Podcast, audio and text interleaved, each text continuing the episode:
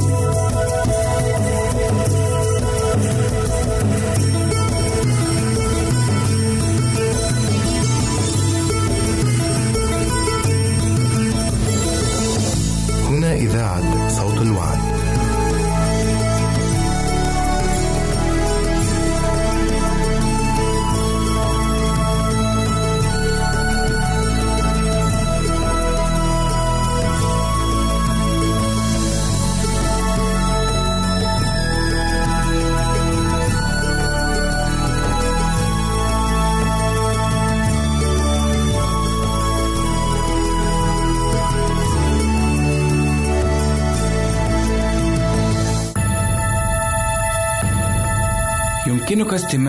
وتحميل برامجنا من موقعنا على الإنترنت www.awr.org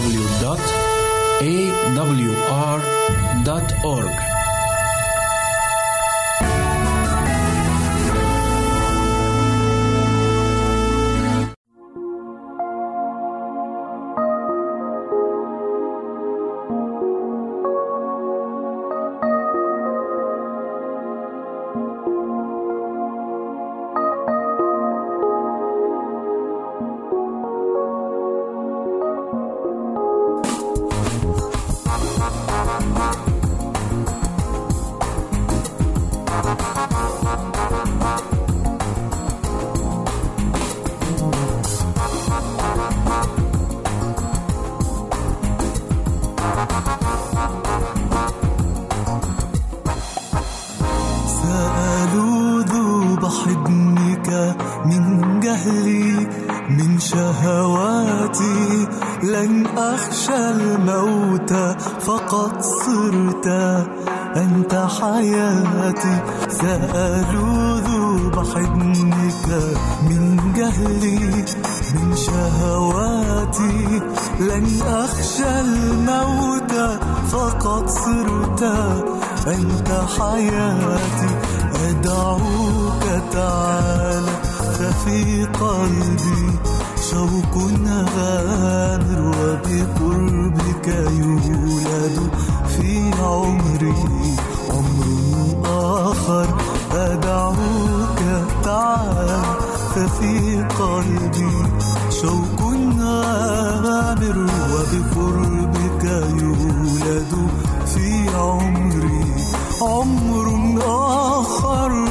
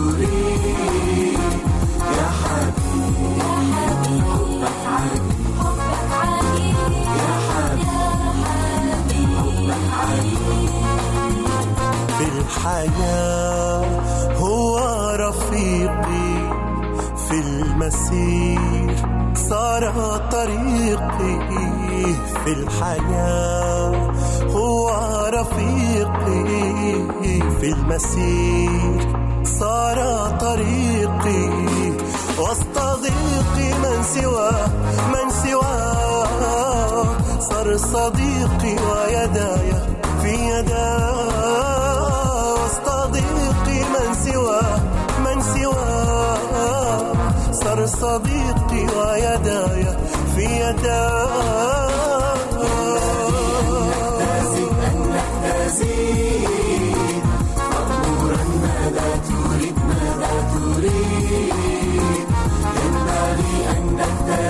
أنتم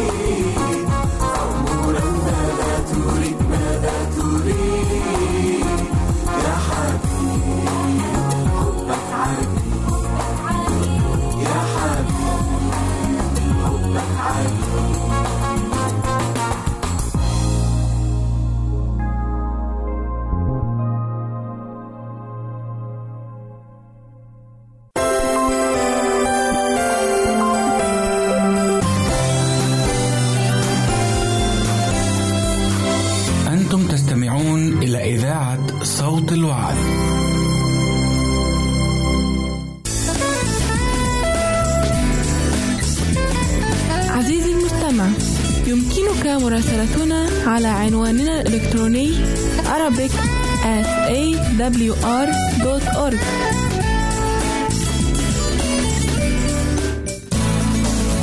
يمكنك مشاهدة هذا البرنامج على قناة الوعد أو على ال website www.l-wad.tv www.al-waad.tv www.tv.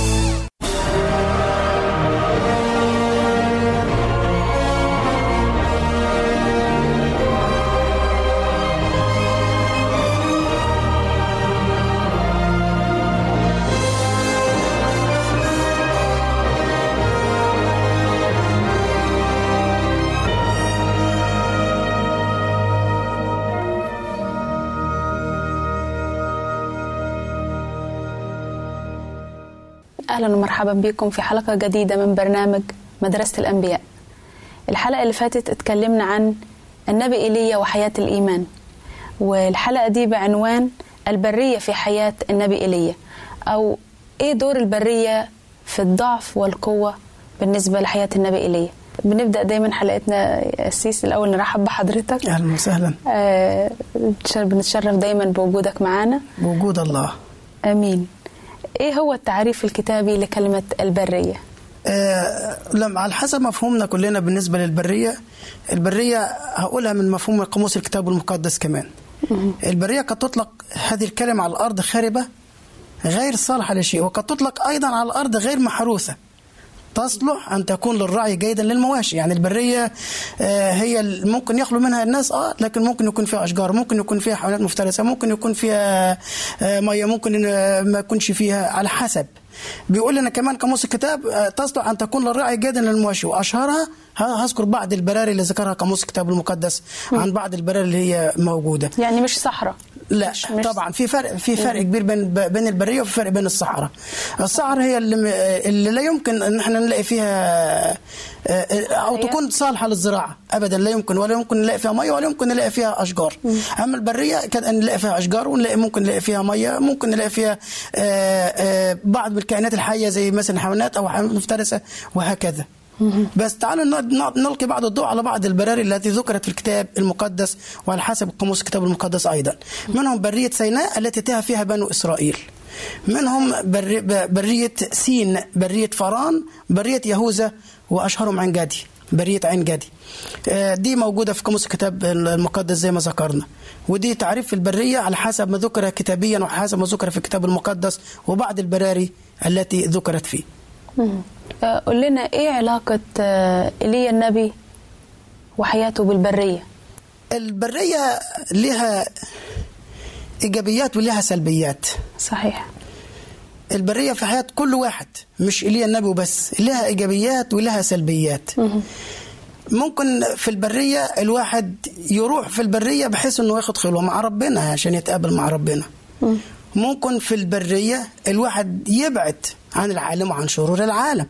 وده اللي كنا دايما غالبا بنشوفه في حياة النبي إيليا إنه كان دايما يحب ياخد خلوة لما ي... لما يحب يتكلم مع الله. إحنا عندنا أمثلة في الكتاب المقدس بالنسبة لتعريف البرية بالنسبة للبرية في حياة ايليا وفي الكتاب المقدس. البرية حتى المسيح له كل المجد كان دايما يقول لتلاميذه تعالوا استريحوا قليلا. وكان ياخدهم في إلى خارج في البراري وكان يجتمع معهم في البراري وكان آه، يخاطبهم في في البرية أو في البراري. فهنا البرية مع ليها معاني حلوة كتير قد ما ليها إن كان ليها ايجابيات هنلاقي ليها سلبيات. بس خلينا نركز على الإيجابيات الأول. البرية بتدي الإنسان الخلوة الروحية إن هو يختلي لكي ما يمتلئ بالإيمان. بيختلي لكي ما يملأ وينشط نفسه روحيا ويتقوى على الضعف إذا كان فيه ضعف. ولكن الانسان إذا م... أنا ممكن أستعمل حاجة برضو استعمال سيء. يعني ممكن أستخدم البرية استخدام سيء. يعني أنا ممكن أهرب للبرية نظرا إن أنا بفكر نفسي ان هربان لل... هربان من العالم وبروح للبرية. فالبريه مش كل مش دايما اللي بيقعد في البرية مش دايما هو آه كده معاه في خلوة. لا. ما نقدرش نقول كل اللي في البرية لازم بياخد خلوة. ما نبعدش عن العالم. أنا أعيش في أعيش في العالم لنطوبى لمن في النار ولم يحترق. خلينا نركز على حياة النبي ايليا في البرية. وكان وراح البرية ليه؟ وإيه اللي كان بيعمله في البرية؟ عشان كده ربنا راح له علشان يتقابل معاه في البرية. صحيح. طيب آه، النبي ايليا بما إنه ذهب إلى البر إلى إلى البرية هل هو أبغض العالم عشان كده أو كره العالم عشان كده اتجه إلى البرية؟ آه النبي ايليا عشان يروح الب... يروح البرية أبغض العالم؟ بتقولي؟ آه هل هو أبغض العالم عشان كده اتجه إن هو يروح البرية؟ هو مش أبغض العالم هو هرب من العالم. هو ظن ان هو بيهرب من العالم وفكر ان هو لما بيهرب من غضب الملكة ايزابل ان هو بيروح البرية على أساس ان هو ممكن يرتاح شوية يرتاح نفسيا يرتاح من من من من من آلام العالم. أحيانا الخدام حتى بيفكروا ان أنا أهرب من الخدمة أنا أهرب من من عمل أهرب من شيء معين وأدور على مكان ان أروح أرتاح فيه. يعني نفهم من كده إنه ما كانش رايح البرية عشان يتقابل مع ربنا. آه. في أوقات كان بيروح فيها مثلا للهرب زي ما حضرتك ذكرت إنه هرب من وجه الملكة الشريرة إيزابل. ذهاب ايليا للبرية؟ زي ما قلنا في حلقات قبل كده كانت حكمة منه طبعا. ولكن هو ما كانش شعر بالسلام بوجوده في المملكة لما غضبت الملكة إيزابل عليه. ففكر بوجوده ان هو لما يروح للبرية إنه هو يشعر بسلام أكتر من المحتمل إنه يشعر بسلام أكتر في البرية. ولكنه ما كانش يعرف إن هو كان مهدد. بخطر الموت أكتر من وجوده عند الملكة ايزابل لأن زي ما ذكرنا إن البرية ما كانش فيها يسكنها إلا الحيوانات ال- الضارية الحيوانات المفترسة وما كانش فيها مثلا حواليه منازل أو أي شيء يلجأ ليه أو ممكن يختبئ فيه أو أو أو ما شابه ذلك تمام البرية بقى زي ما ليها قلنا السلبيات وليها الإيجابيات دايما كان بيلتجئ إليها للبرية للخلوة الروحية زي ما ربنا ما كان المسيح له كل المجد ما كان بياخد التلاميذ للخلوة الروحية وكان يختلي بهم في البراري وكان بي بيخاطبهم أو يكلمهم في آه، في البرية. طب عايزين حضرتك اشرح لنا أكتر إيه اللي حصل مع إيليا في لما ذهب للبريه في المرة دي؟ في المرة اللي هو هرب منها من وجه إيزابل. إيليا لما هرب في المرة ديت للبرية وهربوا من وجه إيزابل أو مش من وجه إيزابل قلنا إن كانت حكمة منه إن هو كان يهرب من وجه الشر. مش من ايزابل نفسها ولكن من الشر اللي كان جواها هل راح طلب الرب في البرية؟ ولا, هو- ولا إيه اللي حصل معاه هو طلب الرب وما كانش في عنده حد بيطلبه غير الرب. ايليا كان دايما طلباته في بقه دايما ما بيطلبش إلا الرب. صحيح. والمفروض برضه إحنا نتعلم من ايليا في طلباتنا ما نطلبش إلا الله لأن الكتاب طلب طلب مننا وحثنا على كده. قال اطلبوا الرب ما دام يوجد أدعوه فهو قريب. صحيح. حتى لو إحنا بصينا على ايليا كإنسان ومشوا من عند الملكة إيزابل وذهابه إلى البرية. يمكن البعض يعتبر إن ده كان ضعف لكن عمره ما كان ضعف. لأن ايليا أنا بعتبر من وجهة نظري ايليا هرب كانت حكمة منه إنه هرب من الشر. ولما هرب من الشر إحنا ممكن نقول الآية بتاعت يعقوب 5 17 لأن ايليا كان إنسان تحت الألم مثلنا زيه زي أي واحد فينا. صحيح. ضعف شوية لكن الرب كان معاه. والرب ما سابوش والرب قواه. وهنشوفه في المرة ديت قد إيه الرب بيتعامل مع إيليا معاملة معاملة صديق. صحيح. بيبعت له المعونة والعون في وقته في وقته. بيكون جنبيه وبيكلمه بي- بيعضده يسانده وكمان بيعين ضعف بيعين ضعفه اللي هو كان فيه. إزاي يتعامل الرب مع ضعف ايليا في الوقت ده؟ آه، تعامل الرب مع ضعف ايليا. ايليا لما راح للبرية اللي إحنا كنا متوقعينه. واحد واحد في قلبه خوف حد بيجري وراه هيموته. ولما يلجأ لمكان يروح في البرية يا إما للحماية أو إن هو يختبئ. راح راح للبرية عشان خاطر كده. إيه اللي إحنا متوقعينه منه لما يلاقي مكان إن هو يلجأ فيه أو يحتمي فيه أكيد يغض النظر يغض البصر شوية وينام. يعني يحاول ينام ينام شوية. وده مع بعد المسافة والمكان اللي راح ليه ايليا شوف ايليا نام. ايليا نام. هيتعامل الرب مع ايليا إزاي؟ بس نايم زعلان. طبعا نا- نايم. نايم خايف. لا هو نايم في قلق. هو نايم عشان خاطر شوية الشويه اللي كانوا فيه شوية الضعف البسيط اللي كانوا فيه آه، هم خلوه برضو ينام بس مش شعر بسلام كامل. في سلام آه. لكن السلام مش كامل. واخدة بالك؟ لما ربنا بعت له ملاك يعمل ييقظ ايليا يوقظه من من نومه. فقال لايليا قم كل. مش كله بس. يعني جايب له أكل كل. واشرب. بيقول الكتاب المقدس خلينا نقراها في آه، الأول. نقرأ آيات جميلة جدا في سفر العبرانيين اصحاح 13 والآية 5 ب- بناء بالنسبة بيقول لي وبيقول لي وبيقول لكل واحد النهارده آه، في في برية الخوف. ممكن بالنسبة لنا إحنا في برية الضياع من العالم في برية ال- الضعف في برية الهرب من من من الشر. ساعات ناس كتيرة بتهرب من الشر. ودي ودي حاجة كويسة. قال لا أهملك ولا أتركك. دي في عبرانيين 13 5 وفي إشعياء 41 والآية 10 بيقول لنا كلمات جميلة جدا. لا تخف. لإني معك وأنا متأكد إن ربنا يقول الآيات دي لكل واحد مننا مش لإيليا بس. لا تخف لإني معك. لا تتلفت لإني إلهك. خلينا كده نحط في مخنا شوية. الواحد لما بيجري هربان من حد ولا خايف من حد بيعمل إيه؟ بيجري وبيتلفت وراه. صحيح. أكيد. يمكن. أنا ما كنتش مع إيليا في الوقت دوت لكن محتمل إن إيليا هو ماشي وماشي بخطوة سريعة. أكيد كان بيبص وراه. هل ايزابل ارسلت وراه رسل علشان يجيبوه ولا لا؟ فكان أكيد بيمد الخطأ علشان إيه؟ يا أو يسرع بخطا بخطواته علشان يروح يروح للمكان اللي هو حاطط في هدفه يوصل ليه؟ علشان يختبئ منها. لكن ربنا قال له لا تتلفت لاني إلهك قد أيدتك وأعنتك وعضدتك بيمين بري. بيمين بري. عمل إيه إيليا؟ إيليا لما نام ربنا أرسله الملاك قم وكل اشرب كمان. ايليا قام وكل. وشرب ونام. لسه ضعيف. عايز يقوينا أنا ربنا مرة تاني. ليه لسه ضعيف تاني؟ أرسل الملاك مرة تاني. قومه ده لسه ضعيف لسه مريض لسه تعبان. أنا عايز أقويه ده ابني ده ده ليا أنا مش لحد. ده هو ابني ده أنا بدور عليه. أنا مش عايزه يكون في الحالة اللي هو فيها ديت. مش بيسيبنا نوصل لمراحل صعبة. لا الرب بيجي لنا في الوقت المعين. قومه الملاك وقال له إيه؟ كلمة جميلة جدا. في ملوك الأول 19 6 ملوك الأول 19 6 قال له قم وكل لأن المثا المسافة كثيرة عليك. يعني الرب هيخليه يمشي مشوار طويل. المشوار بتاع اللي هيمشيه ايليا الرب كان شايف إن هو طويل.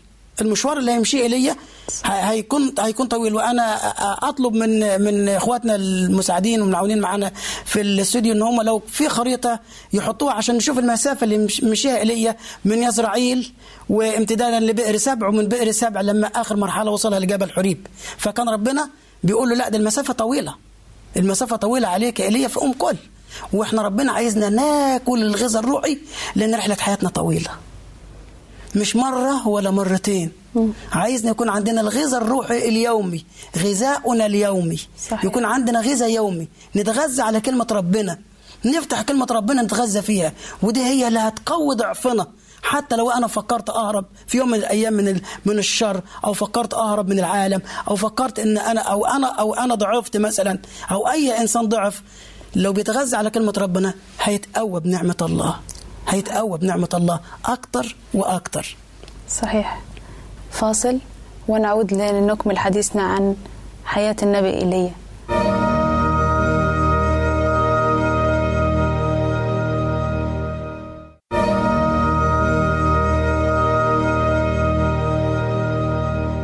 أهلا وسهلا بكم مرة أخرى بعد الفاصل.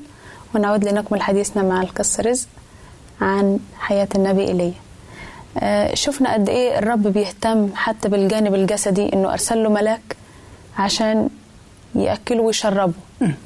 آه، بنشكر الرب كتير من أجل كده. نعم. آه، لكن عايزين نعرف إلى إلى ماذا يرمز نوم النبي إيليا نوم النبي إليه هنا بيرمز لأي واحد فينا ضعف. الضعف بيخلي الواحد ينام زي ما قلنا في السؤال اللي فات. وعندي آية حلوة هنا في الكتاب المقدس بتجاوبنا على ال على ال على سؤالك اللي انت قلتيه من شوية موجود في أفسس خمسة والآية 14 في أفسس خمسة الآية 14 بيقول الكتاب استيقظ أيها النائم وقم من الأموات فيضيء لك المسيح. المسيح. صحيح. فهنا بي بي بيقول لي استيقظ من نومك الروحي استيقظ من ضعفك. استيقظ من غفلتك إنك أنت غفلت ولو حتى آه، آه، في وجهة نظرنا دقائق معدودات أو قلائل من من الثواني. برضك استيقظ. لأن الإنسان المؤمن يجب عليه أن يكون ساهر. لأن هو قال لنا كده اسهروا وصلوا.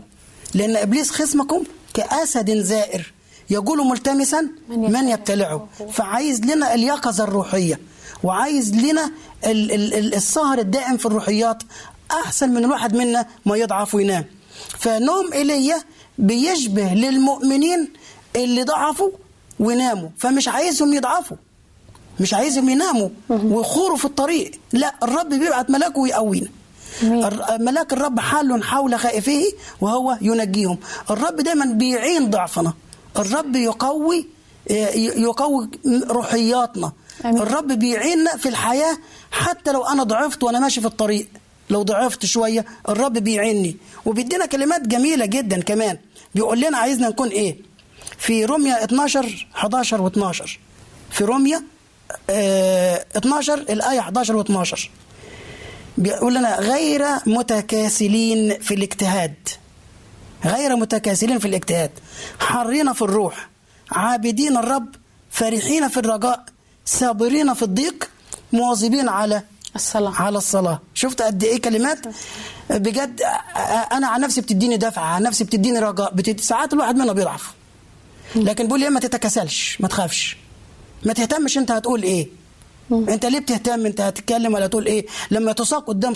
ولاء أو سلاطين ما تهتمش. أنا معاك. ايليا قوم ارجع مرة تاني. أنا هصحيك من الغفلة اللي أنت فيها. أنا صحيك من آه، آه، آه، النوم اللي أنت فيه الروحي وخليك ترجع مرة تاني. يعز عليا الإنسان المؤمن لما يضعف أو يعز عليه الإنسان المؤمن لما يسيب الله. لأنه عزيز إن هو في عين رب موت اتقيائه الموت روحيا. فما يخلينيش ما يسيبنيش أموت. ما يسيبنيش أموت روحيا. عشان كده لما جاء ايليا وضعف الرب أيقظه بدل المرة مرتين. صحيح. وهو في في في, الم في لما لما هرب من من ايزابل وراح ل- وراح للبرية الرب أيقظه وقال له قوم كل واشرب. عايزك تشرب من نبع الح- من نهر الحياة. أنا عايزك تشرب من ينبوع الحي وعايزك تأكل المن السماوي. عايزك تأكل كلمة ربنا اللي هي خبز الحياة. والمسيح له كل المجد قال لنا إيه؟ أنا هو الخبز النازل من السماء. السماء. وده الم- المفروض على كل واحد مننا إن هو يفكر ويقول يا رب في لحظات ضعفي. أنا عايزك تعيني آمين في امين لحظات ضعف اللي بتمر بيا وتخليني حتى لو أنا آه بشك إنك أنت بعدت عني. أنا عايزك يا رب تعيني بجد أنا محتاج إن نفسي أقول نفس الكلمات ديت. إن رب يعين كل واحد منا. ونسمع صوته الجميل اللي بيقول استيقظ استيقظ أيها النائم. قوم. خلينا نسبح الرب بفرح. ما بعدش عن العالم وأروح للبرية. قريت مرة مقالة جميلة جدا لويليام شكسبير بتقول ع- بالنسبة للبرية البرية تشبه زهرة برية برضه زهرة يعني جت في البرية فيها زهرة. و ال- ال- النبات اللي مطلع زهرة جميلة دي في البرية واحد ماشي في البرية وشاف الزهرة الجميلة دي راح ناحيتها عشان يمسكها أو الوردة دي ويشمها. لما راح يمسك الوردة ويشمها في الزهر اللي موجودة في البرية آه كانت تحت جناحاتها أو طياتها آه تعبان. فيه سم مميت. موته. هو ده العالم. العالم اللي ممكن واحد يروح ليه؟ البرية الواحد ممكن يروح ليها. ممكن البرية تموتني. ممكن البرية تعمل لي إغراء. ممكن البرية تخليني أتوه. في توهان البرية زي ما شعب ربنا متاه. ولكن ربنا حب يقول لايليا أنت هتمشي. وهتقعد على الأكلة ديت كام يوم؟ أربعين يوم. موسى قعد برضو أربعين يوم والمسيح له كل المجد قعد أربعين يوم. لكن الشعب اللي كان طالع من مصر عشان ي... من أرض العبودية إلى الحرية قعدوا تايهين 40 سنة. قال له كل يا إيليا واشرب لأن المسافة طويلة. أنت تقعد على الأكلة ديت. ديت إيه؟ 40 يوم و40 ليلة. لا تأكل ولا تشرب لأن نعمة الرب ملته. فما فكرش في العالم ولا في اللي فيه. صحيح. بيذكر الكتاب المقدس إنه آه، الملاك جاب له مية وكعكه ردف صحيح؟ نعم. إيه هي كعكة الردف ديت؟ آه، كعكة ردف مذكورة آه، ومعناها برضو على حسب المفسرين وقاموس الكتاب بتقول أي كعكة مخبوزة على حجارة محماة كعادة العرب. الحجارة اللي كان بي الحجارة بيحطوا يولعوا تحتها نار ويسخن الحجر جامد قوي قوي ويخبزوا العيش عليه. يعملوا العيش عليه. فدي معناها الخبز اللي هو مخبوز بطريقة صحية في وقتهم. صحيح. تمام؟ عشان الرب بيجيب له الحاجة وكمان ما جابلوش آه، معلش أنا يعني أقدر أقول أنا آسف الكلمة ما جابلوش أكل كان بايت. لا ده جاب له حاجة طازة. محماه. كعكه رطف محماه. يعني حاجة آه، طازة. تعالى ك- كل. أنا عملت لك مخصوص أنا جاهز لك أكل بنفسي. أنا عملت لك الأكل بنفسي. بأمانة إحنا كلنا بنستاهل إن الرب بنفسه ويعمل لنا كل الحاجات دي بنفسه. قد إيه ربنا هو اللي بيصحيني؟ بيصحيني من نومي ومن ضعفي وبيقول لي قوم. شفت قد إيه محبة وحنان ربنا لإيليا؟ إن هو يقول له قوم كل واشرب وجاب له الحاجة لحده. ساعات الناس بتتكاسل وتنسى صوت الله. مع إنه آه، رغم إن الرب عمل مع ايليا ده ده كل ده وجاب له الأكل والمية لكن ايليا طلب لنفسه الموت في الوقت ده. إيه كان يحصل لو لو الرب استجاب و... وأمات ايليا في التوقيت ده؟ صد آه، آه، سؤال جميل جدا. لو ربنا استجاب لي تقصدي واستجاب لإيليا وقال له خلاص كفاياك أنت تموت. آه يعني كفايك أنت تعبت كتير أشوف نبي غيرك يكمل الرسالة. أربع نقاط كانوا ممكن يحصلوا هتكلم فيهم. أولا كان هيخسر آه، الخدمة بتاعته واللي كان بيخدمها للشعب اللي ربنا أرسله عشان يخلصهم من الخطية اللي هم فيها. إن الشعب في في هلاك الشعب في فساد وربنا أرسله على أرسله عشان ينجيهم من من الفساد. اللي هم فيه ويخلصهم يديهم الخلاص. فكان هيخسر الجعالة اللي هي كانت آه، قدامه ديت في شعب ربنا في الخلاص. يعني إلى الوقت ده كانوا لسه ما تابوش ولا رجعوا عن طرقهم. طبعا ما كانوش لسه ومستمرين في مستمرين في عنادهم. النقطة الثانية كان هيخسر ظهوره مع الرب يسوع وموسى على جبل التجلي. صحيح. ما كانش ايليا هيبقى مع موسى والرب يسوع على جبل التجلي. النقطة الثالثة كان هيخسر المركبة النارية. بدل ما كان يركب المركبة النارية ويروح للسماء كان هيموت في البرية. صحيح. مش كده؟ النقطة الرابعة ودي احتمالية. يمكن في الوقت الضعف دوت كان ايليا ضعف في الإيمان خالص مع إنه ما كانش ضعف. أنا بقول ربما في احتمالية. ممكن كان يخسر نفسه. صحيح. ويموت روحيا يبقى هيلك بوقت في في اللحظة بتاعته ديت. ولكن الرب الرب ما, ما, ما- بيستجابش لينا في وقت ما أنا بكون غضبان ووقت زعلي وأقول خلاص يا رب أنا تعبت بقى يا رب خدني. خلاص ريحني من اللي أنا فيه. لا ربنا حكيم بعلم. ربنا عارف لكل واحد مننا بيقول إيه. عشان كده بيقول الغبي يصدق كل كلمة والحكيم ينتبه إلى الخطوات. الخطوات. قبل ما أقول كلمة لازم أنتبه لخطوة الكلمة اللي أنا أقولها ديت. هل وراها إيه؟ هل هتضرني؟ ولا هتنفعني. وأنا بقول إيه؟ لأن كل كلمة بطالة يتفوه بها الإنسان سوف يعطي عنها حساب في يوم الدين. فأنا ما أقولش بس حتى أدعى على نفسي لو حتى حد ضايقني ما أدعيش ولا حتى على أولادي ولا على أي حد. وأطلب أن ربنا يديني إيه؟ هم؟ يعطيني الصبر لأنه قال لنا بصبركم اقتنوا أنفسكم. فايليا يمكن في الوقت دوت كان بيقولها من شدة آه، مرارة خطية شعب ربنا. لأنه كان شايف قد إيه شعب ربنا آه، خاطي وعشان كده لما هرب كان بيقول لربنا إيه؟ لأني غرت غيرة للرب للرب إلهي للرب. اللي غيرت غيرت غيرة غيرة مقدسة.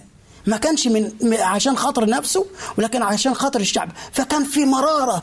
مرارة نفس من أجل الشعب اللي شافه عمال يخطئ وعمال بيرتكب الخطية وعامل ودن من طين ودن من عجين ولا هو سامع لكلا- لكلام ولا رسالة ربنا ولا الأنبياء. اللي بي بيكلموهم بيها. للأسف. بنشكر الرب الرب رحيم نعم. ومتأني على شعبه بما أننا قربنا ننهي حلقتنا يا أسيس عايزينك تلخص لنا إيه الرسالة اللي تحب تسيبها؟ قبل ما نخلص قول لهم ألقي على الرب همك وهو يعولك صحيح. ما نقعدش الهم طول ما ربنا موجود. لأن هو قال لنا تعالوا إلي يا جميع المتعبين وثقيلي الأحمال وأنا أريحكم.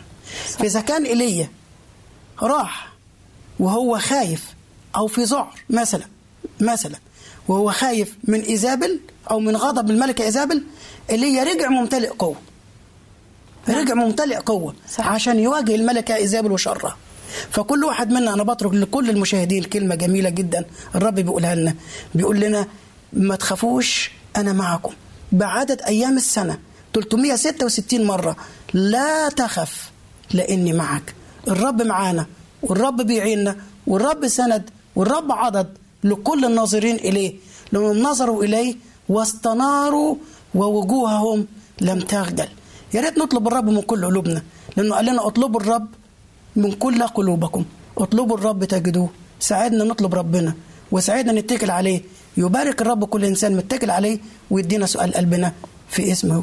آمين. في نهاية الحلقة بنحب نشكرك كتير يا أسيس وإلى اللقاء في حلقة قادمة.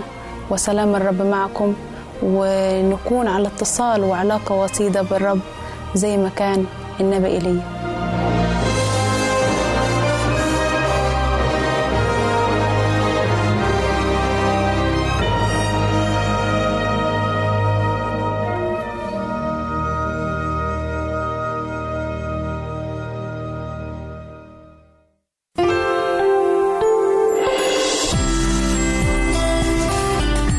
إذاعة صوت الوعد.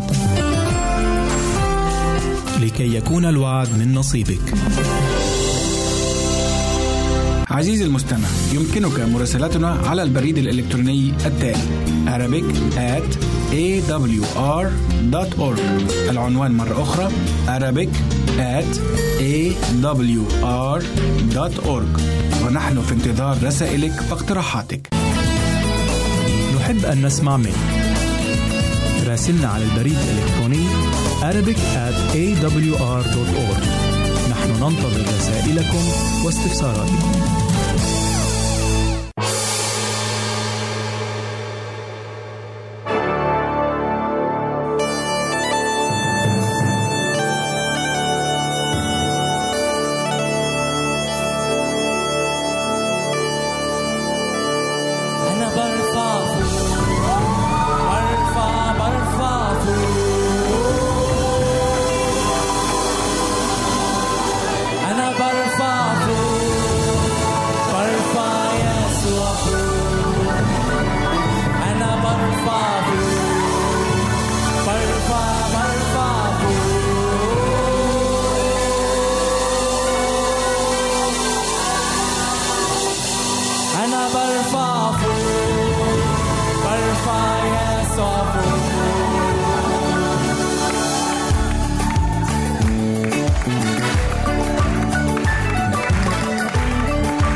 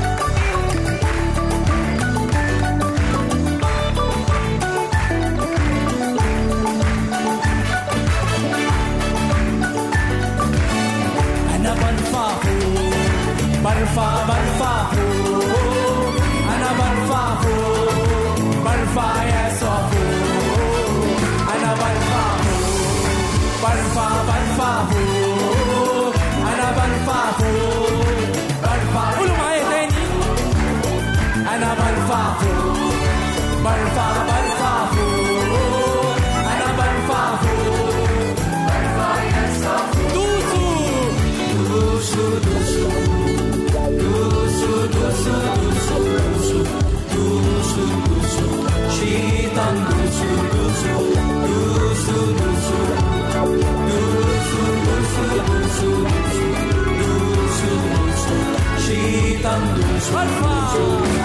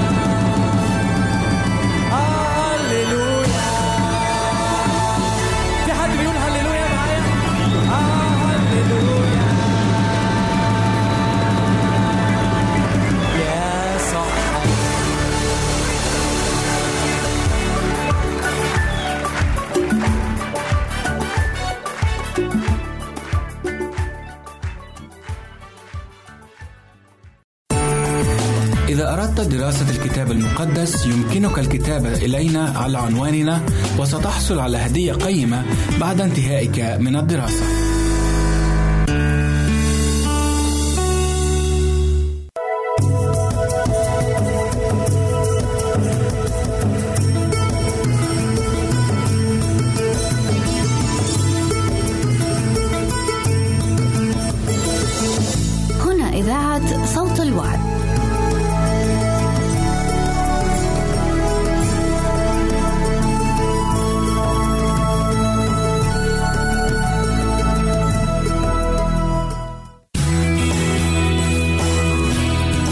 استماع وتحميل برامجنا من موقعنا على الإنترنت www.awr.org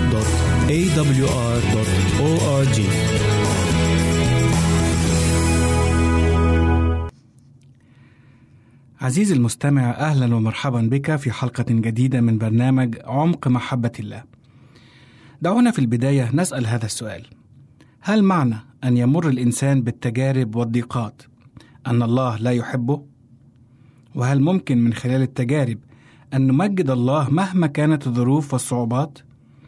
دعونا معا نقرأ الآية الموجودة في رسالة يعقوب الإصحاح الأول والعددين اثنين وثلاثة. تقول الآية أحسبوه كل فرح يا إخوتي حينما تقعون في تجارب متنوعة. عالمين أن امتحان إيمانكم ينشئ صبرا. لذلك حلقة اليوم هي بعنوان لماذا يسمح الله بالتجارب والضيقات. فابقوا معنا. كثير من الناس يواجهون متاعب وتجارب ومشاكل بالحياة مثل الحزن أو المرض أو الموت أو الفقر أو الانفصال إلى آخره من تجارب مختلفة. وقد تختلف كل هذه من إنسان لآخر فبعض الناس يقاسون منها أكثر من الآخرين. ولكن لماذا يعاني الناس من التجارب والصعوبات في الحياة؟ يعتقد البعض أن الإنسان يعاني من التجارب والمشقات نتيجة للخطية التي ارتكبها. ففي البدء عندما أخطأ أبوانا آدم وحواء حكم عليهما بتحمل الألم والمعاناة والضيق ومن ثم الموت. لذلك يظن البعض أن السبب الوحيد والرئيسي للمعاناة هو الخطية. ولكننا نرى أن الأبرار أيضا يعانون من التجارب والضيقات التي يمر بها الأشرار. ومعنى هذا أن جميع البشر يعانون من التجارب والضيقات سواء كانوا أشرارا أم أبرار. هناك عدة أمثلة في الكتاب المقدس لأناس أبرار وصالحين قد قاسوا من الآلام والتجارب. منهم مثلا النبي أيوب الذي أصيب بكثير من المصائب والبلايا ولكنه قال في سفره أي في سفر أيوب أصحاح واحد والعددين واحد وعشرين واثنين وعشرين. هذه الكلمات. عريانا خرجت من بطن أمي وعريانا أعود إلى هناك. الرب أعطى والرب أخذ فليكن اسم الرب مباركا. في كل هذه لم يخطئ أيوب ولم ينسب لله جهالة. كذلك أيضا السيد المسيح الذي عانى من التجارب والضيقات. والذي لم يرتكب أي خطية. ومع ذلك أبغض واضطهد وفي النهاية قتل.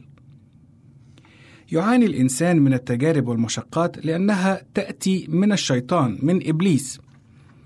توجد في الكتاب المقدس آيات كثيرة توضح أن إبليس هو المسؤول الرئيسي عن التجارب التي يعاني منها الناس. فمثلا يقول الرسول بولس في رسالة كورنثوس الثانية أصحاح 12 وعدد سبعة أعطيت شوكة في الجسد ملاك الشيطان ليلطمني لئلا أرتفع. هنا يذكر أن ملاك الشيطان هو الذي تسبب في هذه الشوكة في الجسد. وأيضا نجد المرأة المنحنية التي شفاها السيد المسيح في إنجيل لوقا أصحاح 13 وعدد 16 حيث قال عنها هذه وهي ابنة إبراهيم قد ربطها الشيطان ثماني عشرة سنة. من الذي ربطها؟ الشيطان. لقد شفى السيد المسيح جميع الأمراض التي كان يسببها إبليس. يقول عنه سفر أعمال الرسل أصحاح 10 وعدد 38 عن السيد المسيح هذه الكلمات. جال يصنع خيرا ويشفي جميع المتسلط عليهم من؟ إبليس. إذا المسيح جال يصنع خيرا ويشفي جميع المتسلط عليهم إبليس. من هنا نعرف أن السبب الرئيسي لوجود التجارب هو الشيطان إبليس، فهو يغوي البشر لكي يستسلموا لإغرائه وخططه، فيقعوا في شباكه ويخطئوا لله. هؤلاء الناس وغيرهم من الذين عانوا من التجارب والمشقات الكثير منهم حافظوا على ثقتهم بالله دون أن يرتدوا أو حتى يلقوا اللوم على الله. والسؤال هنا لماذا يسمح الله لنا بالتجارب والمشقات؟ وهل يمكن لهذه التجارب أن تكون مفيدة لحياتنا ولنمونا الروحي؟ نعم بالقطع قد يسمح الله لنا أحيانا بأن نمر بالتجارب والضيقات فكما يمتحن الذهب بالنار كذلك يمتحن إيماننا بالتجارب التي نمر بها ومن الضروري جدا معرفة أن هذه التجارب تكون بحدود معينة أي أن الله لا يسمح بوصول المؤمن إلى مرحلة اليأس أو الضعف. حيث تقول الآية في رسالة روميا أصحاح خمسة والأعداد من ثلاثة إلى خمسة. نفتخر أيضا في الضيقات. عالمين أن الضيق ينشئ صبرا والصبر تزكية والتزكية رجاء والرجاء لا يخزي لأن محبة الله قد انسكبت في قلوبنا بالروح القدس المعطى لنا. لذلك فإن التجارب التي يمر بها الإنسان قد تقهر البعض منهم وتهزمهم فيفقدوا الثقة بالله بل يقوموا بإلقاء اللوم على الله ولكن من جهة أخرى نجد أن الضيقات والتجارب التي يمر بها الإنسان قد تقويه وتعطيه الثقة بالله وهذا يتوقف على مدى التجاوب والتفاعل مع الله ومع التجربة ومدى قوة إيماننا بالله. في الختام عزيزي المستمع أود أن أختم حديثي بهذه القصة البسيطة التي تحكي عن ملك في العصور القديمة. ذات يوم وضع ملك مدينة صخرة كبيرة في منتصف أحد الشوارع الرئيسية في مملكته. ثم وقف خلف شجرة قريبة منها لكي يراقب كيف يكون رد فعل الناس الذين يمرون بهذا الطريق كل يوم تجاه هذه الصخرة. فمر أحد التجار الأغنياء جدا في المملكة ودار حول الصخرة متعجبا من شكلها ثم تركها ومضى. وبعد ذلك مر أناس آخرون فلما رأوا الصخرة تسد الطريق راحوا يتكلمون فيما بينهم عن مدى الإهمال الذي تعاني منه تلك المملكة وأن المسؤولين لا يهتمون بأمور المملكة كما يجب وأن الملك منصرف عن شؤون المملكة أخيرا جاء فلاح فقير يحمل سلة من الفاكهة على كتفه كان قادما من حقله في طريقه إلى البيت فلما رأى هذا الفلاح البسيط الصخرة أنزل بسرعة السلة من على كتفه بل وشمر على ساعديه وراح بكل قوته يدفع الصخرة من مكانها في وسط الطريق حتى نقلها بعيدا على جانب الطريق. ولما أكمل مهمته انحنى ليرفع سلته على كتفه ويكمل مسيرته إلى البيت. وبينما الفلاح البسيط يفعل ذلك شاهد لفة موضوعة تحت الصخرة التي كانت في منتصف الطريق. فراح يلتقطها من مكانها ولما فتحها وجدها مملوءة بالذهب ومعها رسالة قصيرة مكتوبة من الملك شخصيا يقول فيها: هذا الذهب يصير ملكا خاصا للإنسان الذي سيرفع الصخرة من وسط الطريق. لقد ربح الفلاح البسيط ذهب الملك وفوق هذا كله تعلم الدرس أن ما نواجهه في الحياة من تجارب ومصاعب وضيقات فهي دائما ما تأتي لنا بعطية جديدة تجعلنا في وضع أفضل من السابق. عزيزي المستمع، إن الله يستطيع أن يشدد من عزيمتنا ويساعدنا على تحمل التجارب والمشقات، لأن الله لا يسمح لنا بأن نجرب فوق طاقتنا وفوق تحملنا. وكما يقول الرسول بولس في رسالته إلى أهل كورنثوس الأولى أصحاح 10 وعدد 13 لم تصبكم تجربة إلا بشرية ولكن الله أمين الذي لا يدعكم تجربون فوق ما تستطيعون بل سيجعل مع التجربة المنفذ لتستطيعوا أن تحتملوا فمن الممكن أن يكون هذا النوع من التجارب وقتيا ومن الممكن أن يكون هذا النوع من التجارب مستمرا أو مزمنا في حياة الإنسان إلا أن الله في المقابل سوف يعطيك نعمة لاحتمالها بفرح. وأن تلك المتاعب التي يواجهها ما هي إلا لخير الإنسان ولخلاصه. إن أكبر مثال على ذلك هو موت السيد المسيح على الصليب. لقد قصد الشيطان بموت المسيح أن يقهر الله ويهزم الجنس البشري. ولكن شكرا لله الذي سمح بموت المسيح لكي يصير خلاصا للجنس البشري بأكمله. دعونا في الختام نردد معا هذه الآية الجميلة الموجودة في رسالة أهل روميا أصحاح 8 وعدد 35 من سيفصلنا عن حب المسيح؟ أشدة أم ضيق أم اضطهاد أم جوع أم عري أم خطر أم سيف. إلى اللقاء أعزائي المستمعين في حلقة جديدة من برنامج عمق محبة الله. كان معكم أمير غالي الرب معكم. يمكنك استماع وتحميل برامجنا من موقعنا على الإنترنت www.awr.org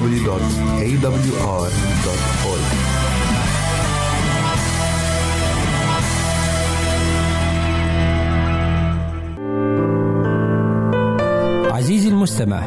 يمكنك مراسلتنا على عنواننا الإلكتروني Arabic at awr.org